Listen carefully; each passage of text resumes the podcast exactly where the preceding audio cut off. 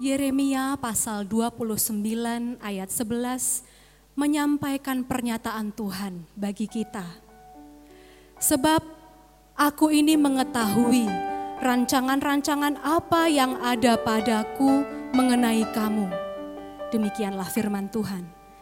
Yaitu rancangan damai sejahtera dan bukan rancangan kecelakaan untuk memberikan kepadamu hari depan yang penuh harapan. Penghayatan akan nats ini mewarnai lagu berkat kemurahanmu. Mari kita nyanyikan dalam syukur dan keyakinan. Aku ada saat ini semua karena kasihmu Tuhan.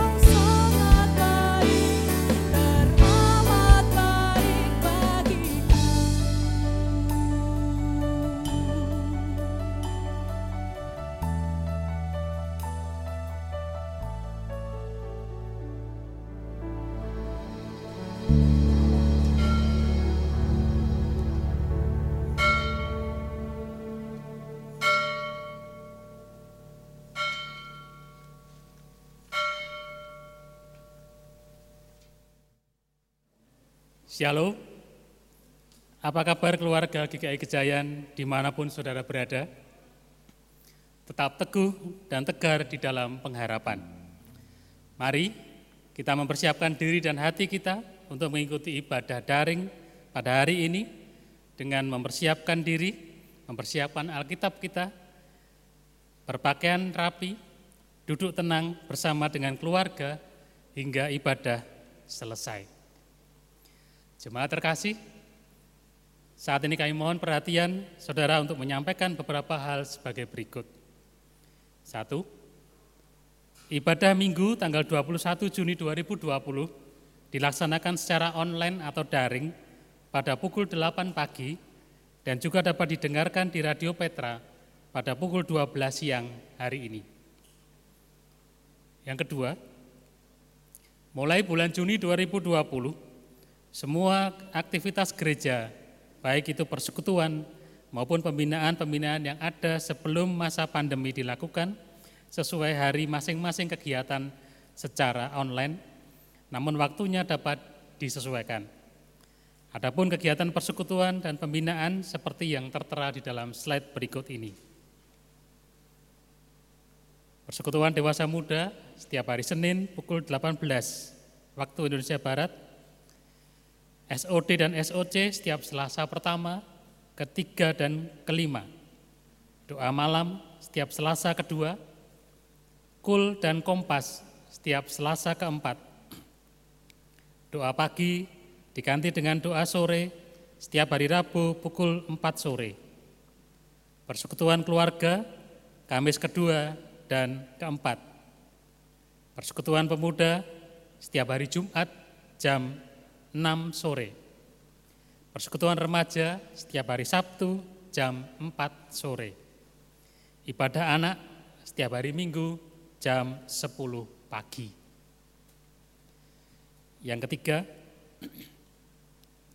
program siaran Sapa Sahabat mulai bulan Juni dikhususkan untuk Sapa Sahabat Anak dan dilaksanakan secara online setiap hari Rabu pukul 7 malam. Yang keempat, Jemaat yang akan memberikan persembahan dapat memberikan persembahan melalui beberapa cara seperti yang tertera di dalam slide berikut ini.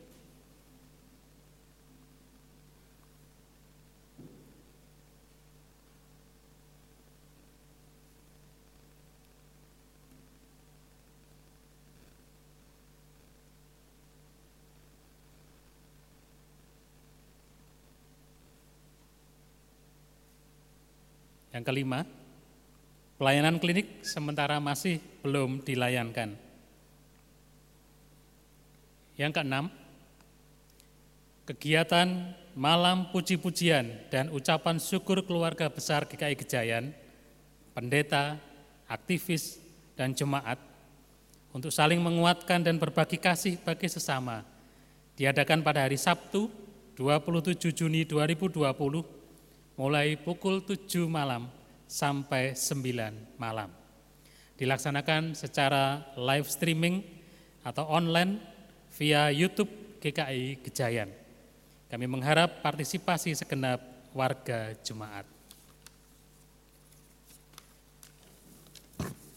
Yang ketujuh, Majelis Jemaat GKI Gejayan mengadakan survei berkenaan dengan kesiapan jemaat menghadapi new normal dalam kegiatan beribadah terkait dengan ibadah tatap muka pasca pandemi COVID-19. Bapak Ibu Saudara, kami persilahkan untuk scan kode QR yang tertera di dalam warta jemaat untuk dapat mengisi lembar survei tersebut. 8. GKI Kejayan membuka program Kejayan Tetulung, merupakan satu program yang diangkat dari realitas keprihatinan akibat pandemi COVID-19 dan dikemas di dalam bentuk seperti pasar online yang bertujuan untuk saling menolong dalam hal perekonomian jemaat. Program ini diutamakan untuk anggota jemaat dan aktivis yang sudah punya usaha, yang baru akan membuka usaha, dan yang sedang membutuhkan pekerjaan. Informasi selengkapnya dapat dibaca di Warta Jemaat. Yang kesembilan, Tanggap darurat COVID-19 diwujudkan dalam kegiatan sebagai berikut.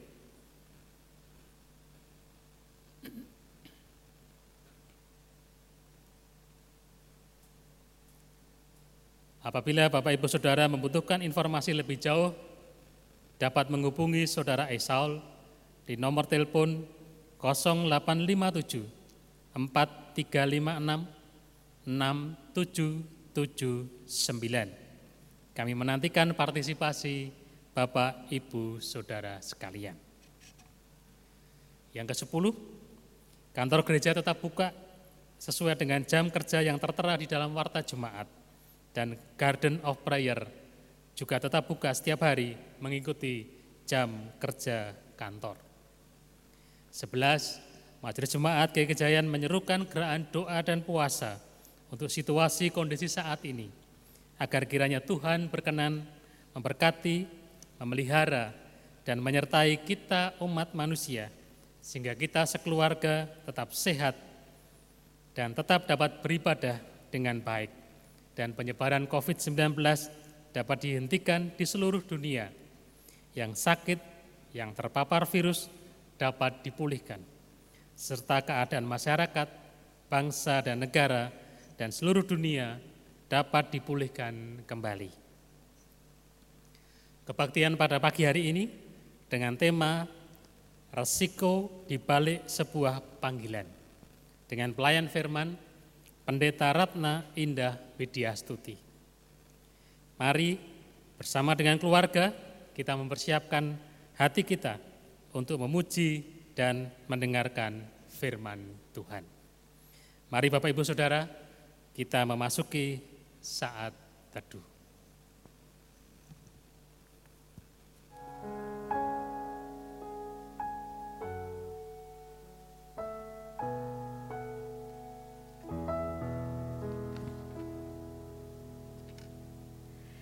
Terpujilah Tuhan, Allah yang maha tinggi, yang menciptakan kita untuk memujinya. Kita datang menyembah kepada Allah yang maha suci, supaya nurani kita dimurnikan, dan semangat kita dikobarkan untuk hidup baginya.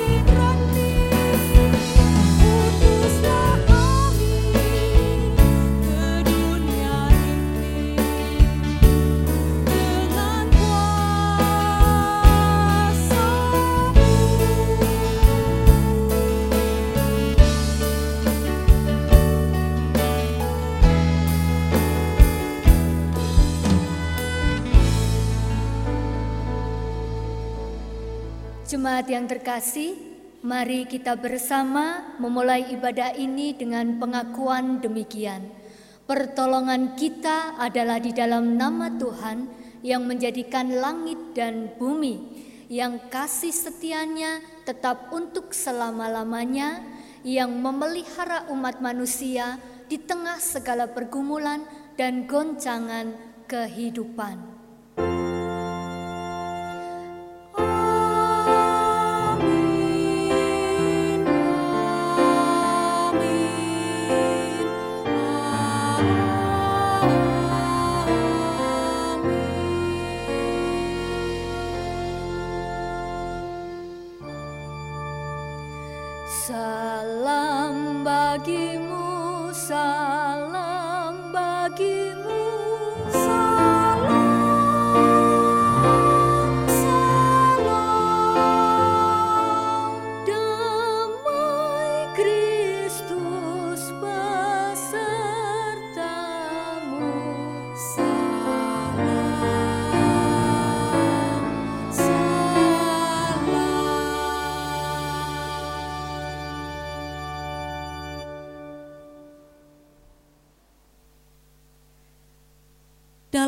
Keheningan ini, biarlah hati kita diam sejenak dari segala kebisingan, dan kita masuk dalam pengakuan dosa.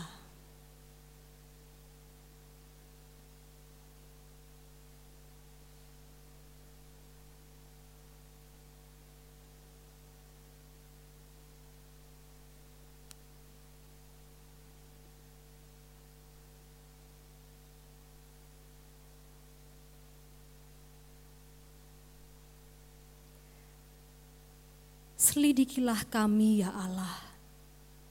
Selamilah hati kami. Ujilah dan ketahuilah pikiran kami. Lihatlah entah ada kejahatan dalam diri kami dan bimbinglah kami di jalan yang kekal. Amin. Jemaat yang terkasih, mari kita bersuka cita menyambut berita anugerah dari Tuhan sebagaimana tertulis di dalam Mazmur pasal 145 ayat 8 hingga ayatnya yang ke-9. Tuhan itu pengasih dan penyayang, panjang sabar dan besar kasih setianya. Tuhan itu baik kepada semua orang dan penuh rahmat terhadap segala yang dijadikannya. Demikianlah berita anugerah dari Tuhan. Syukur kepada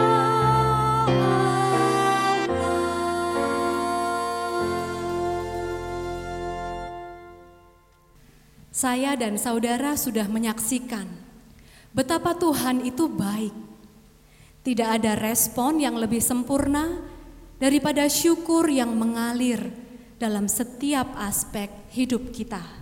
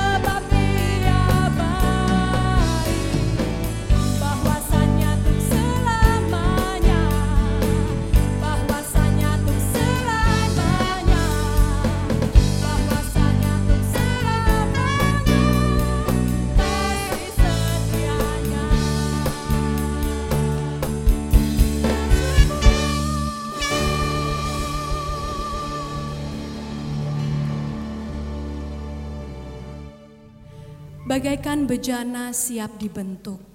Demikian hidup kami siap dibentuk dan dipakai Tuhan.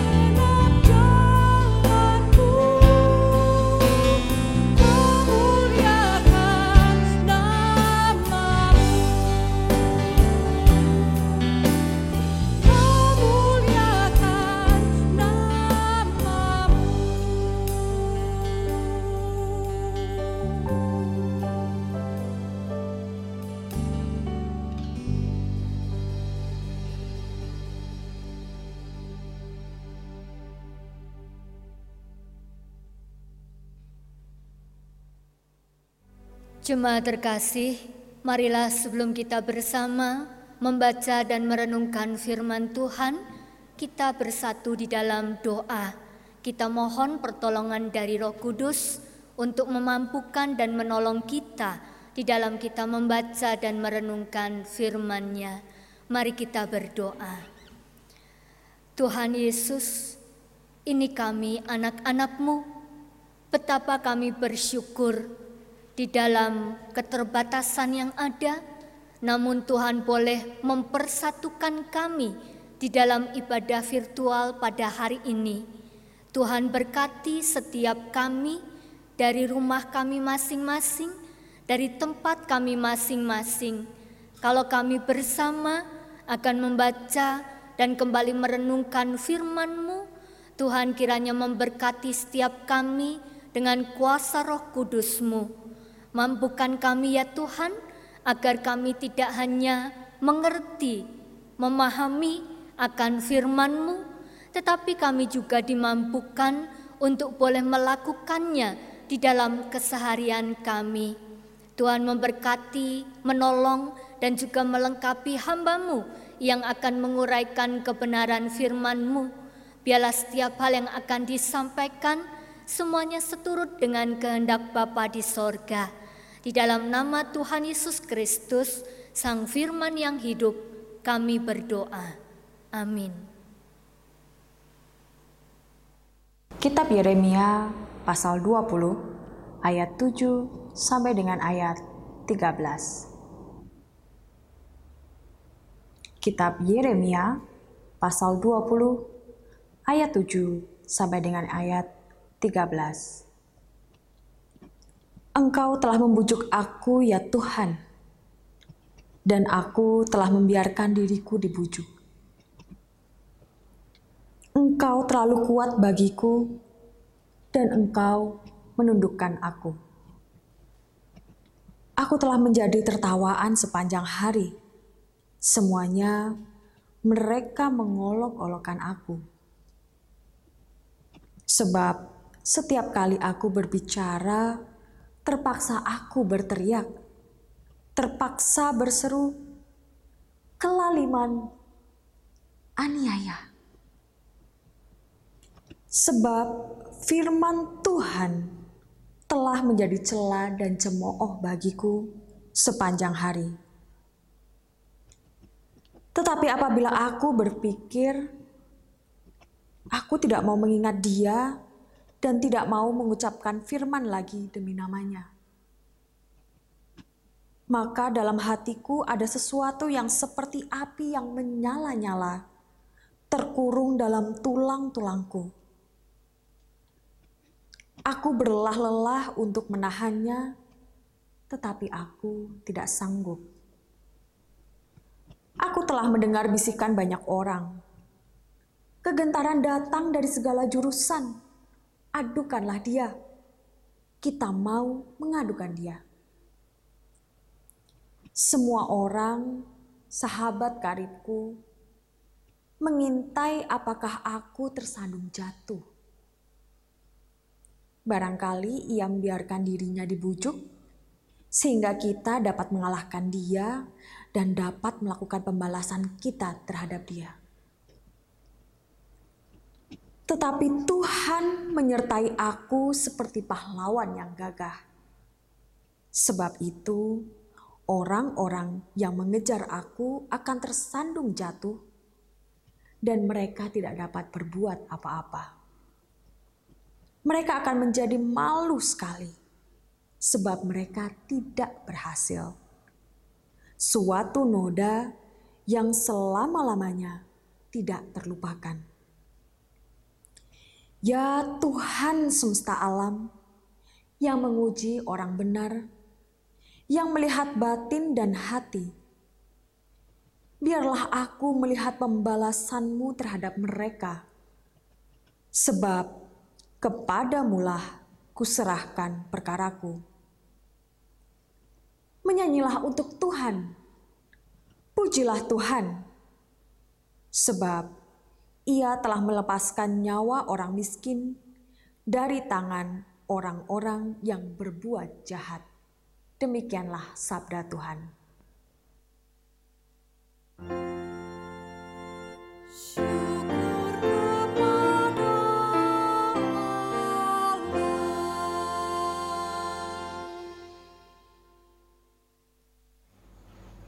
Mazmur 69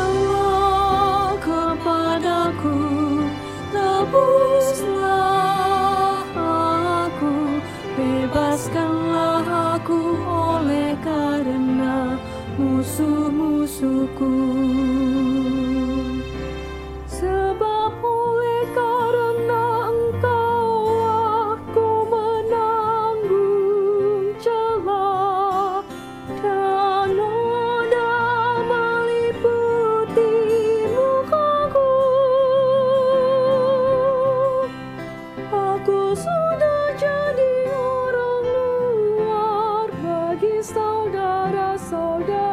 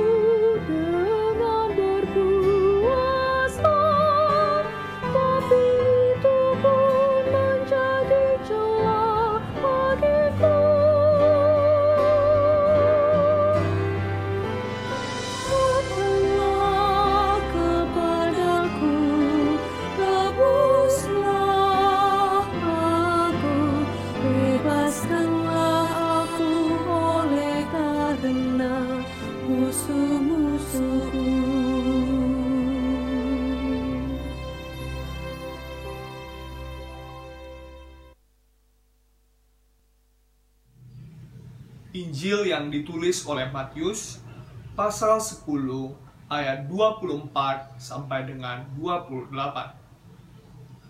Injil yang ditulis oleh Matius pasal 10 ayat 24 sampai dengan 28. Seorang murid tidak lebih daripada gurunya atau seorang hamba daripada tuannya. Cukuplah bagi seorang murid jika ia menjadi sama seperti gurunya, dan bagi seorang hamba jika ia menjadi sama seperti tuannya. Jika tuan rumah disebut Bilzebul, apalagi seisi rumahnya. Jadi, janganlah kamu takut terhadap mereka, karena tidak ada sesuatu pun yang tertutup yang tidak akan dibuka, dan tidak ada sesuatu pun yang tersembunyi yang tidak akan diketahui.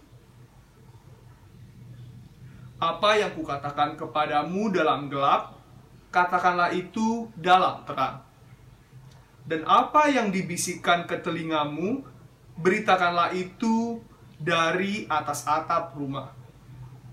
Dan janganlah kamu takut kepada mereka yang dapat membunuh tubuh, tetapi yang tidak berkuasa membunuh jiwa Takutlah terutama kepada dia yang berkuasa membinasakan baik jiwa maupun tubuh di dalam neraka.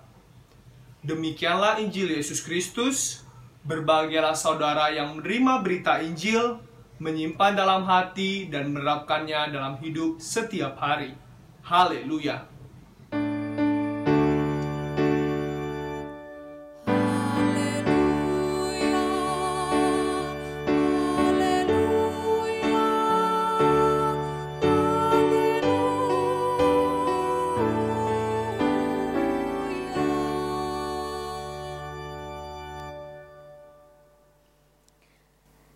Shalom, keluarga besar GKI Gejayan di mana pun berada.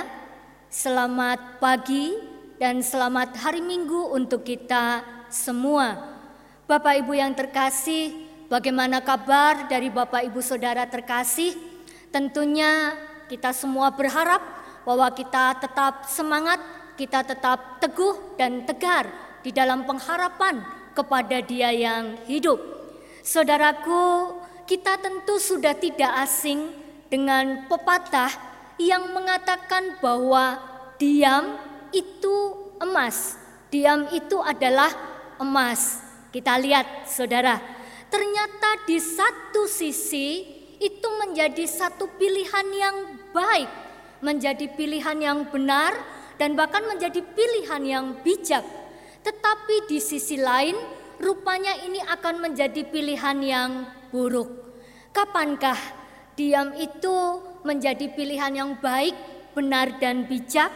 Yaitu ketika kita tahu, ketika kita menyadari bahwa hal itu tidak perlu kita ucapkan, tidak perlu kita sampaikan kepada seseorang atau kepada sekelompok orang. Apa yang kira-kira tidak perlu kita sampaikan, saudara? Ketika kita sedang marah, ketika kita sedang emosi, ketika kita sedang kecewa, ketika kita sedang tersinggung, ketika kita sedang tidak suka. Maka di sini diam adalah pilihan yang baik, benar, dan bahkan sangat bijak. Karena apa? Karena kita akan bisa menahan diri kita untuk tidak mengeluarkan kata-kata yang tidak perlu, misalnya umpatan atau mungkin makian oleh karena kita sedang marah. Dan itu semua adalah contoh kata-kata atau hal yang tidak pas atau kurang tepat keluar dari mulut seorang anak Tuhan. Lalu kemudian kapan ketika diam itu dikatakan baik?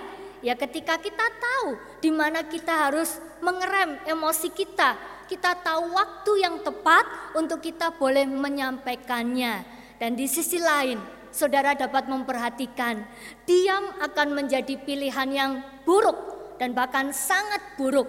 Kapan? Kapan ketika diam itu menjadi pilihan yang buruk? yaitu ketika saudara dan saya, ketika kita ini sedang dituntut untuk menyampaikan apa yang benar, ketika kita sedang diminta untuk menyuarakan kebenaran dan kita memilih diam, maka itu adalah sesuatu yang sangat buruk, sesuatu yang sangat tidak baik. Bapak Ibu yang terkasih di dalam Tuhan, perikop yang kita baca pada hari Minggu ini merupakan perikop yang menceritakan tentang penderitaan dan bahkan juga penganiayaan yang akan diterima dan dihadapi oleh para murid oleh karena tugas mereka menyuarakan kebenaran. Jadi ada satu hal yang dibukakan tentang resiko yang akan dialami oleh para murid ketika mereka menyampaikan kebenaran itu sendiri. Mari kita lihat bersama, saudaraku, tugas para murid adalah menyuarakan kebenaran. Matius 10 ayat yang ke-16, lihatlah aku mengutus kamu seperti domba ke tengah-tengah serigala. Jikalau kita cermati, maka ini sangat menarik, saudara. Saya akan tunjukkan. Ini adalah gambar domba. Domba menjadi satu gambaran dari hewan yang sangat rentan Domba menjadi satu gambaran hewan yang lemah dan mudah terancam. Lalu kemudian kita perhatikan gambar yang berikut ini menjadi satu perbandingan yang bertolak belakang, Saudara. Ketika kita melihat serigala, serigala itu terlihat sebagai binatang yang penuh dengan kelicikan, sebagai binatang yang penuh dengan ancaman, saudara. Nah, mari kita renungkan bersama, dan Tuhan mengutus para murid seperti domba ke tengah-tengah serigala, hidup di tengah-tengah serigala Mungkin kita akan bertanya, apakah ini tidak salah? Apakah ini benar? Dia mengutus para muridnya di tengah-tengah serigala? Jawabannya ini saudara ya, jawabannya benar, tidak salah. Tuhan Yesus mengutus para muridnya seperti domba ke tengah serigala. Dia tidak sedang mengutus para muridnya ke padang rumput yang hijau. Dia tidak sedang mengutus para muridnya ke air yang tenang, tetapi dia sedang mengutus para muridnya hari ini saudara dan saya di tengah serigala. Dan ini menjadi satu pergumulan yang cukup menarik saudara. Kenapa? Karena tentunya mereka pada saat itu dan saudara saya pada saat ini tentunya diminta untuk tidak menjadi domba yang konyol, tidak diminta untuk menjadi domba yang sekedar menjadi santapan serigala, saudara. Kita tidak sedang diminta menjadi domba yang tidak peduli, tetapi justru di tengah ancaman kita semua diajak menjadi domba yang cerdik dan juga domba yang berani. Bapak Ibu yang terkasih di dalam Tuhan, oleh karena itu Tuhan Yesus mengajak mengajak mereka untuk mengenali bahwa di dalam tugas mereka, di dalam panggilan mereka, ada ancaman-ancaman yang harus mereka kenali. Apa saja itu, saudara? Kita akan melihatnya satu persatu. Yang pertama, yang pertama itu adalah ancaman dari dalam, saudara. Ancaman internal. Ya, walaupun itu tidak terlihat, tetapi di sana digambarkan dia seperti Bilsibul. Dan jikalau kita mau buka kamus Alkitab kita di bagian belakang, maka di sana dijelaskan Bilsibul itu adalah nama iblis dan dia sebagai kepala roh-roh jahat dan juga setan-setan. Jadi betapa luar biasa ternyata ancaman itu digambarkan tidak jauh dari diri mereka tetapi ancaman itu ada justru di dalam diri mereka. Beelzebul menjadi satu gambaran dari kuasa, kuasa yang jahat, kuasa yang besar yang bisa mempengaruhi manusia, mempengaruhi para murid untuk menyimpang dari tujuan yang sudah Tuhan tetapkan dalam kehidupan mereka pada saat itu. Ada satu peristiwa yang mau ditunjukkan saudara ketika dalam sebuah percakapan ketika Yesus sedang menghadapi jalan penderitaannya, ketika dia sedang berbicara tentang apa yang akan terjadi terhadap dirinya, lalu kemudian tiba-tiba Yesus menghadik Petrus dan mengatakan, "Enyahlah iblis." Saudara, mengapa demikian, Saudara? Karena kelihatannya apa yang diucapkan Petrus itu baik apa yang diucapkan oleh Petrus itu begitu manis. Apa yang disampaikan Petrus menunjukkan bahwa ia sangat mengasihi Yesus. Tetapi Tuhan Yesus tahu Ya, walaupun itu tampaknya perhatian, namun sesungguhnya itu adalah hasutan dari iblis untuk mengalihkan Yesus dari tugas dan panggilannya untuk menebus dosa manusia. Bapak Ibu yang terkasih, di sini kita melihat bahwa ternyata Belzebul punya cara kerja yang sangat luar biasa dan kita harus memahaminya pada saat ini. Dia mampu membelokkan hati untuk tidak setia, Saudara. Dia mampu menggoda kita, dia mampu menghasut kita. Jadi sekalipun dia tidak mematikan tubuh kita, tetapi dia bisa melakukan banyak hal ini, saudara. Dia akan melumpuhkan panggilan kita, dia akan melumpuhkan pikiran kita, dia juga akan mematikan iman kita di dalam Tuhan. Oleh karena itu saudara, di sini kita perlu waspada. Iblis punya seribu cara. Iblis punya seribu strategi untuk dia boleh melakukan gerakannya yang mematikan. Bapak Ibu yang terkasih di dalam Tuhan, ini adalah ancaman yang pertama yang perlu kita sadari bersama. Ancaman yang ada di dalam kehidupan para murid pada saat itu juga menjadi ancaman yang sama yang ada di dalam kehidupan saudara dan saya sampai dengan hari ini. Iblis tidak pernah lelah untuk menggoda kita. Iblis tidak pernah lelah untuk menghasut kita. Caranya banyak sekali saudara. Ketika kita diminta untuk menyuarakan kebenaran, maka mungkin dia akan membelokkan hati kita. Oleh karena kita sadar bahwa ada resiko yang besar di balik semua yang akan kita sampaikan. Iblis juga bisa bekerja membuat kita menjadi takut, menjadi malas, dan masih ada begitu banyak hal yang lainnya. Lalu kemudian yang kedua adalah hal eksternal, faktor eksternal, ancaman dari luar yang disampaikan di dalam Matius 10 ayat yang ke-28 di sana digambarkan sebagai pembunuh tubuh. Jika kita baca sesuai dengan teks dan konteksnya pada saat itu saudara maka ancaman pembunuh tubuh itu sedang berbicara tentang orang-orang yang pada saat itu memiliki kekuasaan untuk memang membunuh tubuh. Biasanya ini ada pada diri pemimpin yang mempunyai kekuatan, yang mempunyai kuasa, yang mempunyai power. Dan ini sungguh nyata terjadi di dalam kehidupan para murid pada saat itu. Mereka bukan tidak mungkin akan menemui penderitaan, Bahkan sangat mungkin mereka akan mengalami penganiayaan ketika mereka sedang menyuarakan kebenaran firman Tuhan.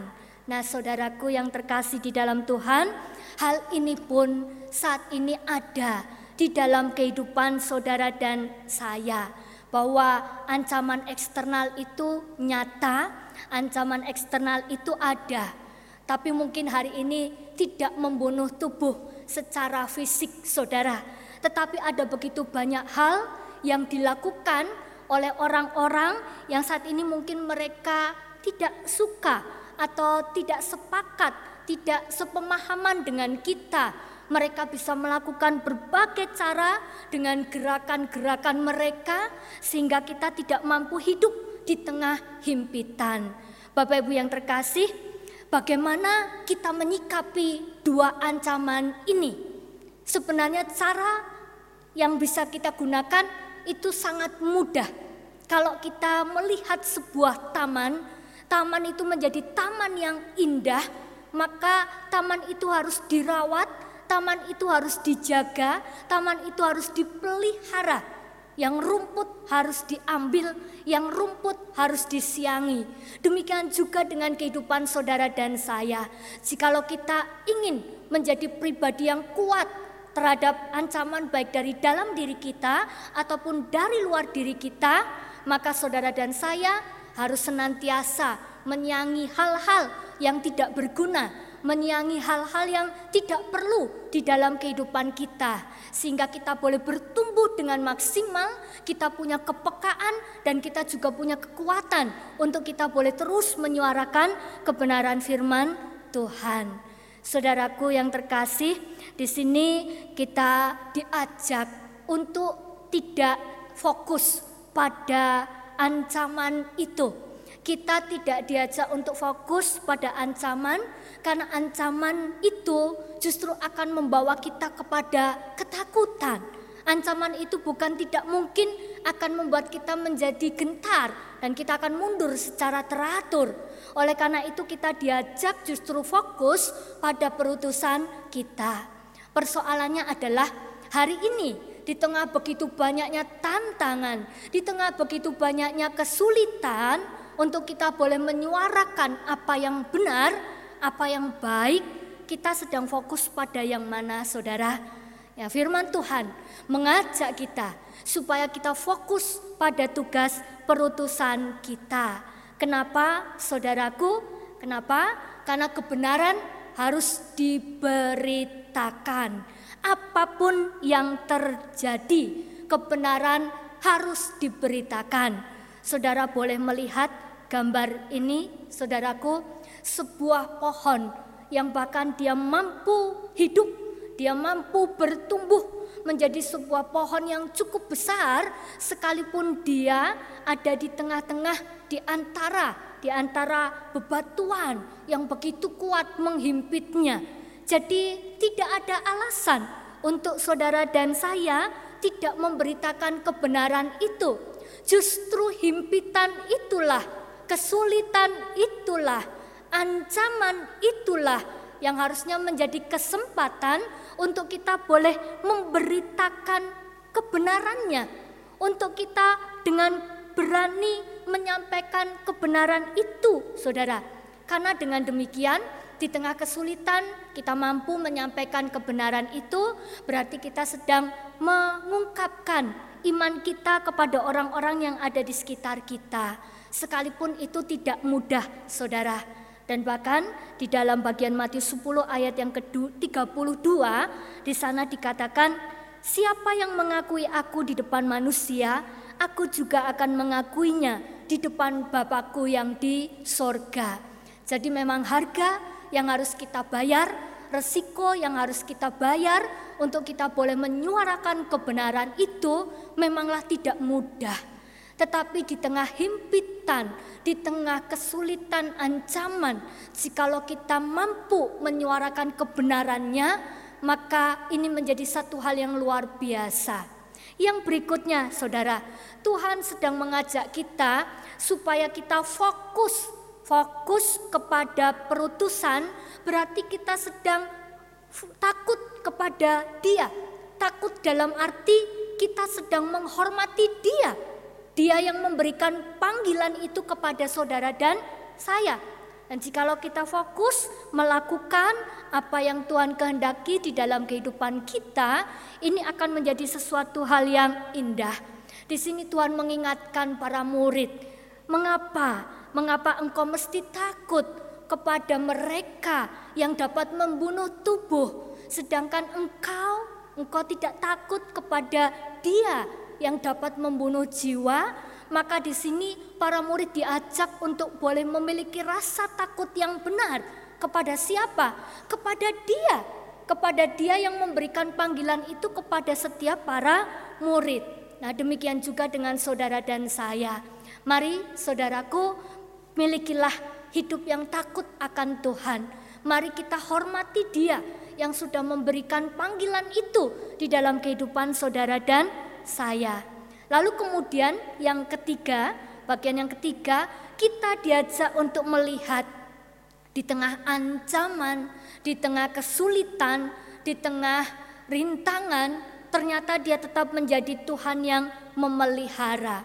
Tuhan Yesus tahu bahwa para murid mengalami ketakutan yang luar biasa, tetapi kemudian dia menunjukkan kasihnya, dia menggambarkan bahwa burung pipit hidup pun itu semua atas pemeliharaan Tuhan.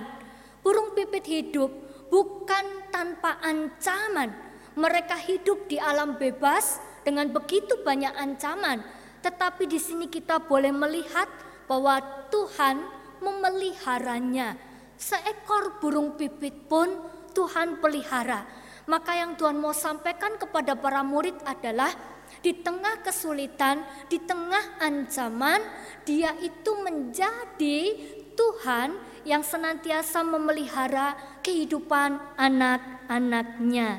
Nah, saudaraku, kita juga akan melihat bahwa ternyata panggilan untuk menyatakan kebenaran tentang Tuhan di tengah-tengah lingkungan kehidupan yang penuh dengan ancaman itu juga dialami oleh Yeremia. Siapakah Yeremia, saudara? Yeremia adalah seorang yang masih sangat muda dan dia dipakai, dia dipanggil, dia diutus untuk menjadi seorang nabi. Nabi adalah penyambung lidah Tuhan. Dalam hal ini tugasnya, tugas Yeremia adalah menegur, memperingatkan umat Tuhan tentang dosa yang mereka lakukan. Yang kedua, tugas Yeremia adalah memberitakan resiko di balik kesalahan, di balik dosa yang mereka lakukan. Tentu ini menjadi satu hal yang tidak mudah, Saudara. Ini menjadi satu hal yang berat. Kenapa? Gitu ya. Karena situasi bangsa Israel pada saat itu yang penuh dengan tekanan. Yang kedua adalah karakter dari bangsa Israel yang tegar tengkuk.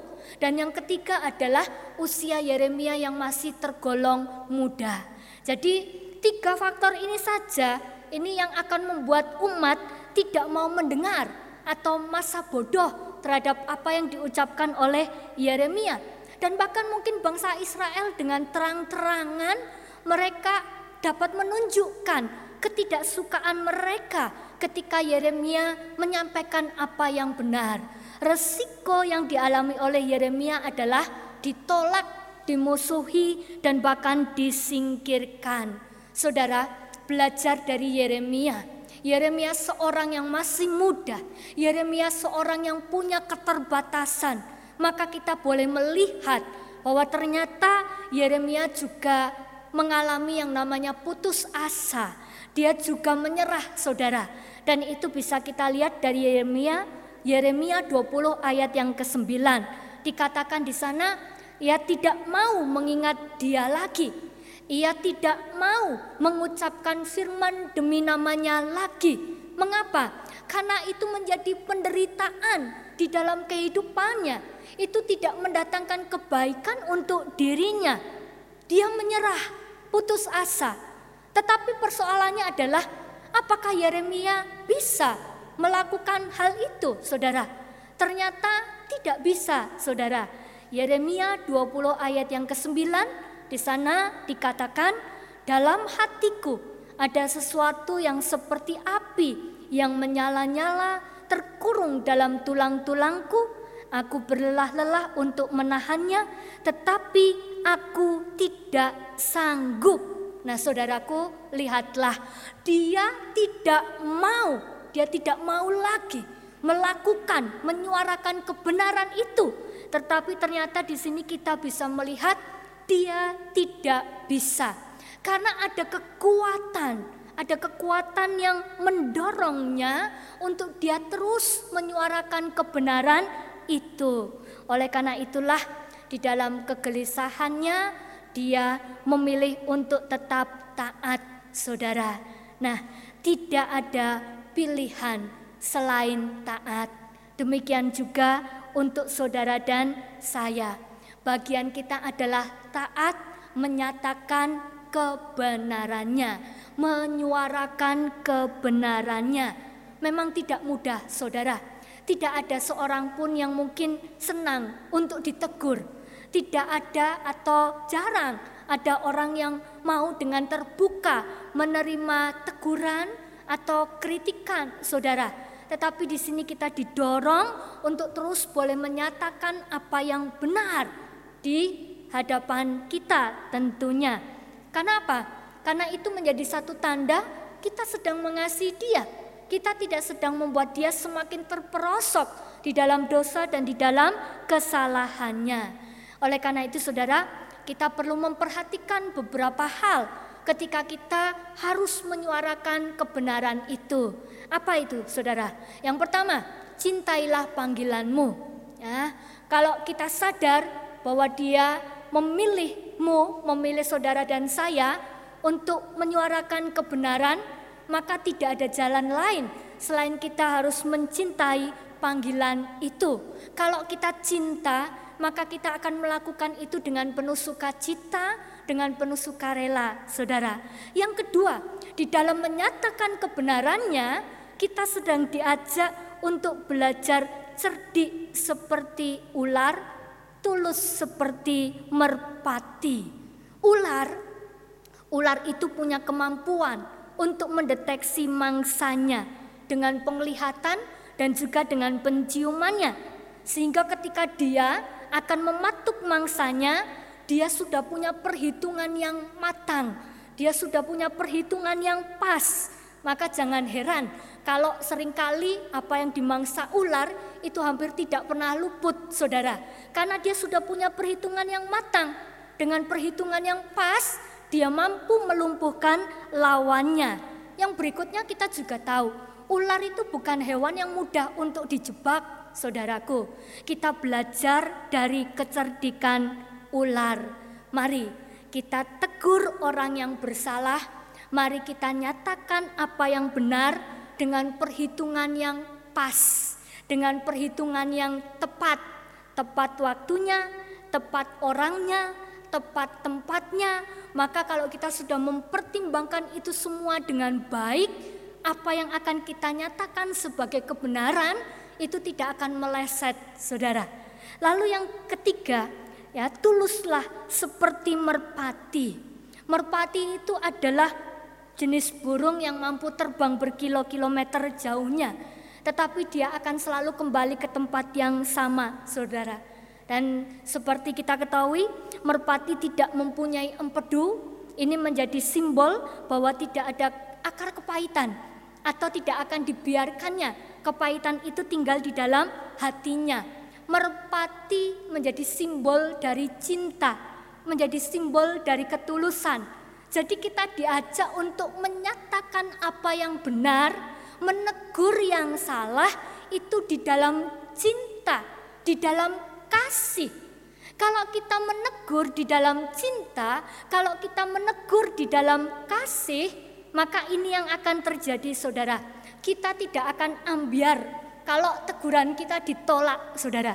Kita tidak akan lalu kemudian ambiar ketika kita dibenci, ketika kita disingkirkan kita tidak akan putus asa, kita tidak akan menyimpan kepahitan ketika orang lain menyingkirkan kita. Nah inilah saudaraku cukup menarik sekali. Tuhan tidak mengharapkan saudara dan saya menjadi domba yang lemah. Tuhan juga tidak mengatakan jadilah serigala berbulu domba supaya hidupmu aman di tengah-tengah serigala. Tuhan juga tidak meminta kita menjadi serigala yang ganas, tidak.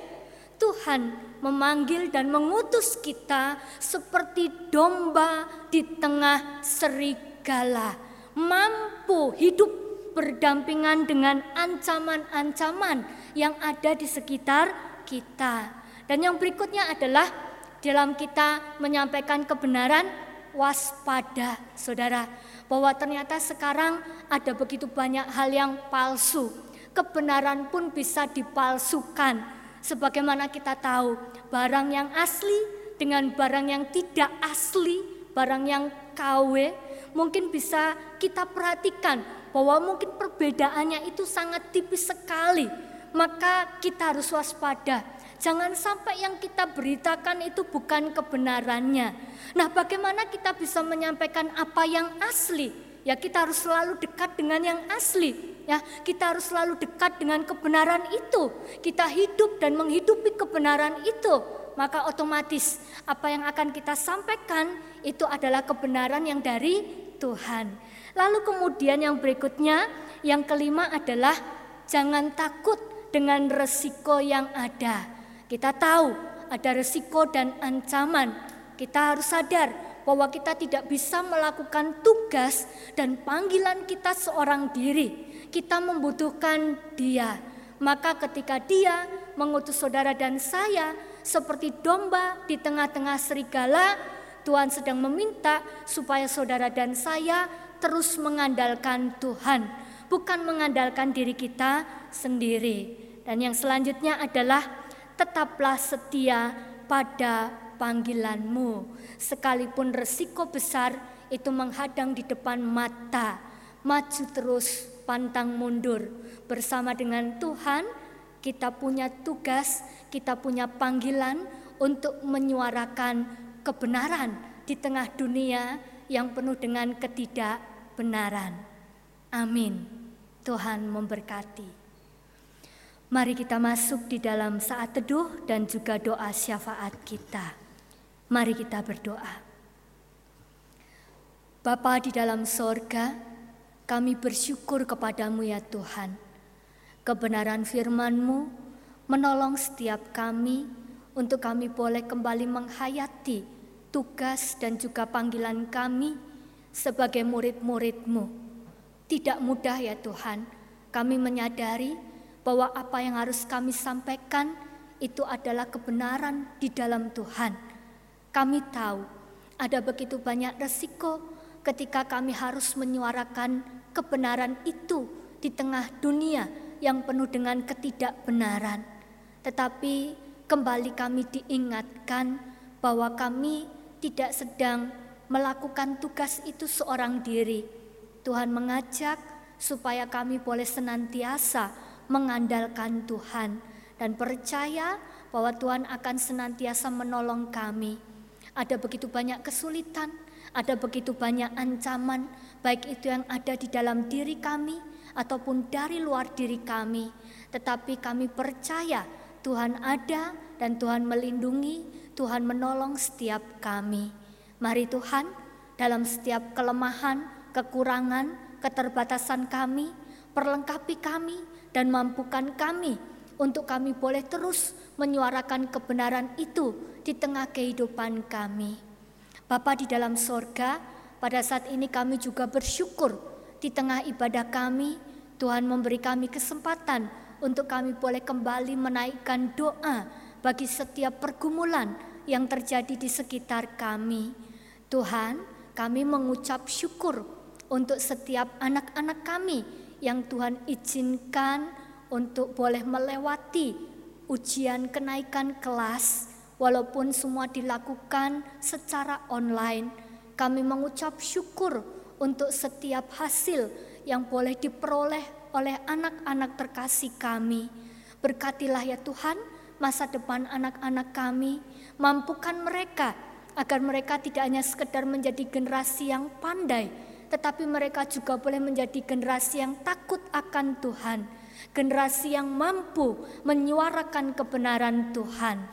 Bapa di dalam sorga, saat ini kami juga mau berdoa untuk saudara-saudara kami yang bahkan sampai hari ini mereka sedang berjuang mempertahankan kehidupan mereka oleh karena mereka sedang berjuang melawan virus corona di dalam tubuh mereka. Ya Tuhan, dengan setiap obat, vitamin, dan alat-alat yang digunakan untuk boleh menopang kelangsungan hidup mereka, dari tempat ini kami berdoa dan memohon.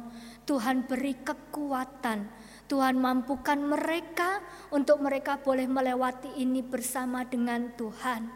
Kami mau berdoa juga bagi begitu banyak keluarga yang hari ini tengah berduka cita oleh karena mereka harus kehilangan keluarga yang mereka kasihi oleh karena virus corona ini.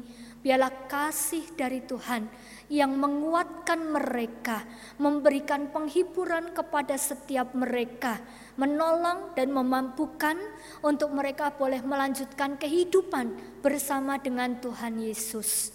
Ya Tuhan, saat ini kami juga mau berdoa untuk pemerintah Indonesia di dalam setiap jajarannya.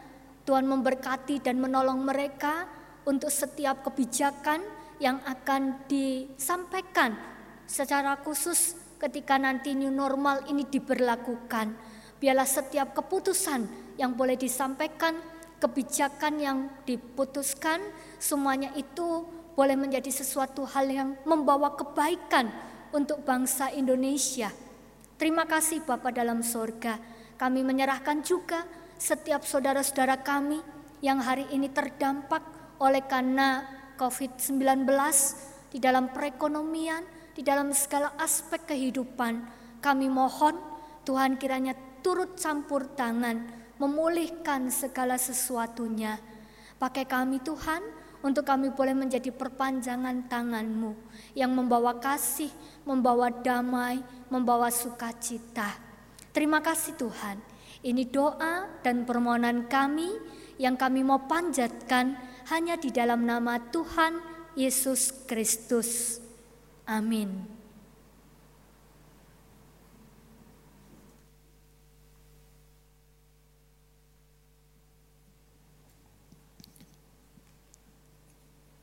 Jemaat yang dikasih Tuhan, Bapak Ibu Saudara-saudari di mana pun Bapak Ibu berada, mari kita perbarui iman percaya kita kepada Tuhan dengan kita bersama-sama mengikrarkan pengakuan iman rasuli yang demikian.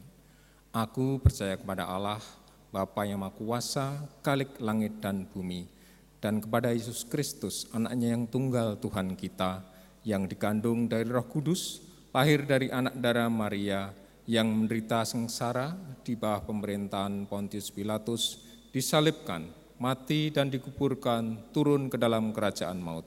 Pada hari yang ketiga, bangkit pula dari antara orang mati, naik ke surga, duduk di sebelah kanan Allah, Bapa yang Maha Kuasa, dan dari sana ia akan datang untuk menghakimi orang yang hidup dan yang mati.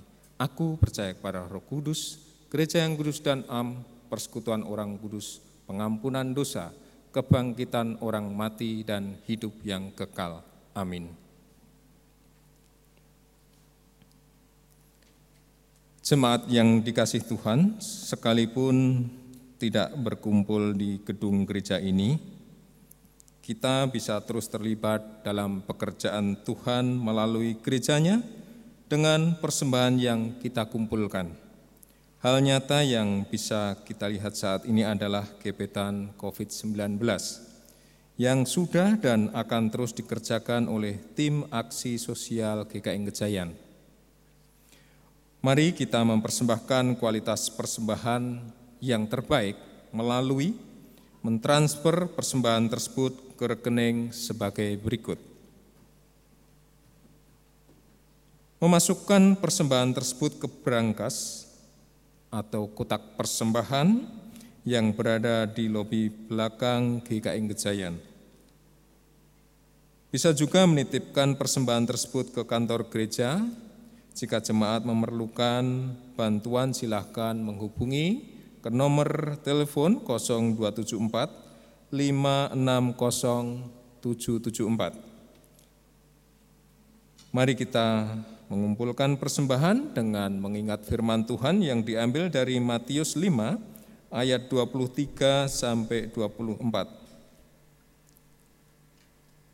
Sebab itu, jika engkau mempersembahkan persembahanmu di atas mesbah dan engkau teringat akan sesuatu yang ada dalam hati saudaramu terhadap engkau, tinggalkanlah persembahanmu di depan mesbah itu, dan pergilah berdamai dahulu dengan saudaramu, lalu kembali untuk mempersembahkan persembahanmu itu.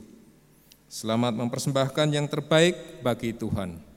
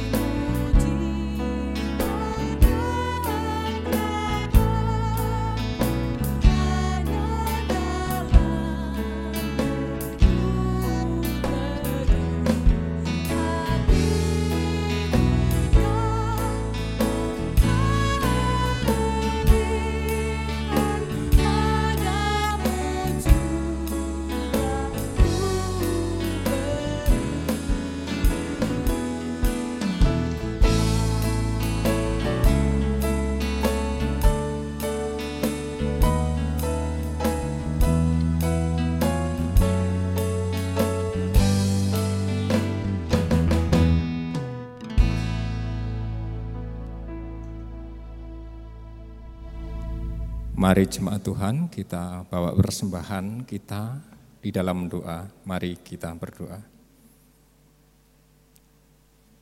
Ya Tuhan kami datang kepadamu kembali. Kami mau bersyukur Tuhan atas segala berkat karunia dan anugerah Tuhan, kasih sayang Tuhan yang boleh kami rasakan dalam kehidupan kami. Hari lepas hari Tuhan sampai saat ini. Terima kasih Tuhan atas pemeliharaanmu buat kami di dalam kehidupan keluarga, di dalam pekerjaan, di dalam studi, di dalam segala aktivitas Engkau menyertai kami. Terima kasih. Sebagai ungkapan syukur kami Tuhan, kami sudah mengumpulkan persembahan. Kiranya Tuhan memberkati, menyucikan persembahan yang sudah terkumpul biarlah persembahan ini boleh dipakai untuk pelayanan kasih di tempat ini ataupun di mana pun saja Tuhan kehendaki bisa dipakai untuk kesaksian, untuk pelebaran nama kerajaan Tuhan di muka bumi ini tuh. Ya Tuhan Allah Bapa di surga, kami juga berdoa Tuhan untuk majelis semaat yang Tuhan percaya untuk mengelola persembahan ini, Tuhan berikan hikmat, biarlah apa yang dipakai, apa yang dikerjakan, kebijakan yang diambil di dalam pengelolaan persembahan ini hanya untuk kemuliaan nama Tuhan dan rasa takut kepada Tuhan.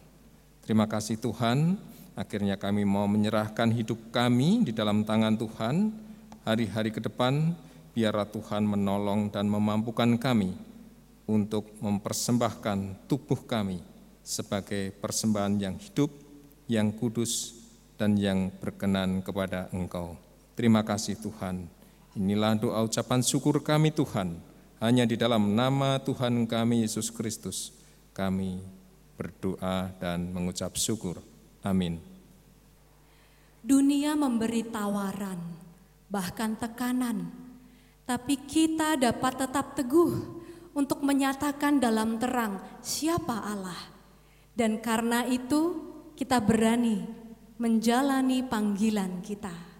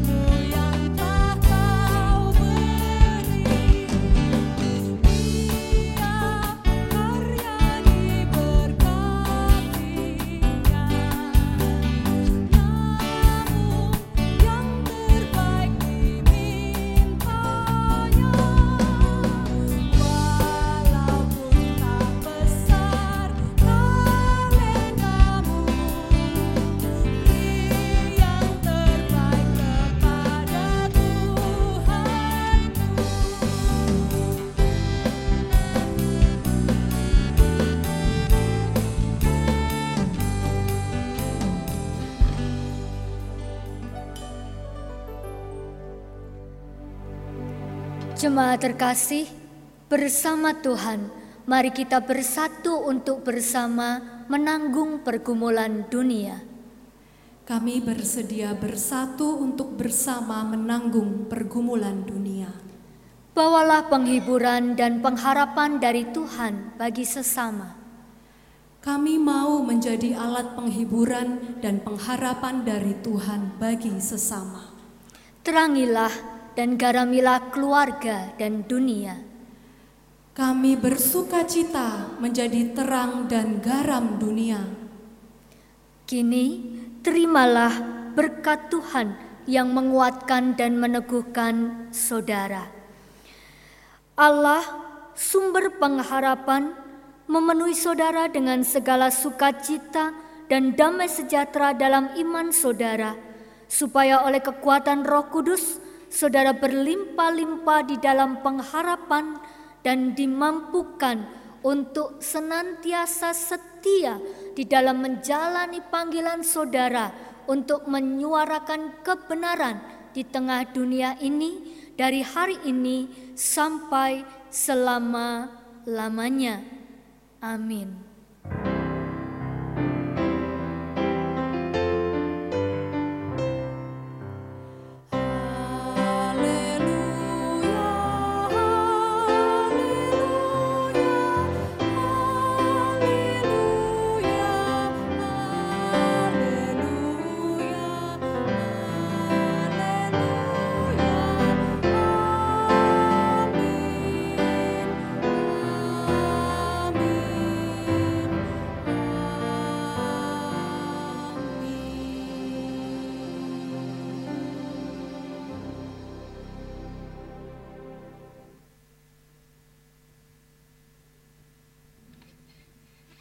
Selamat hari Minggu dan Tuhan memberkati.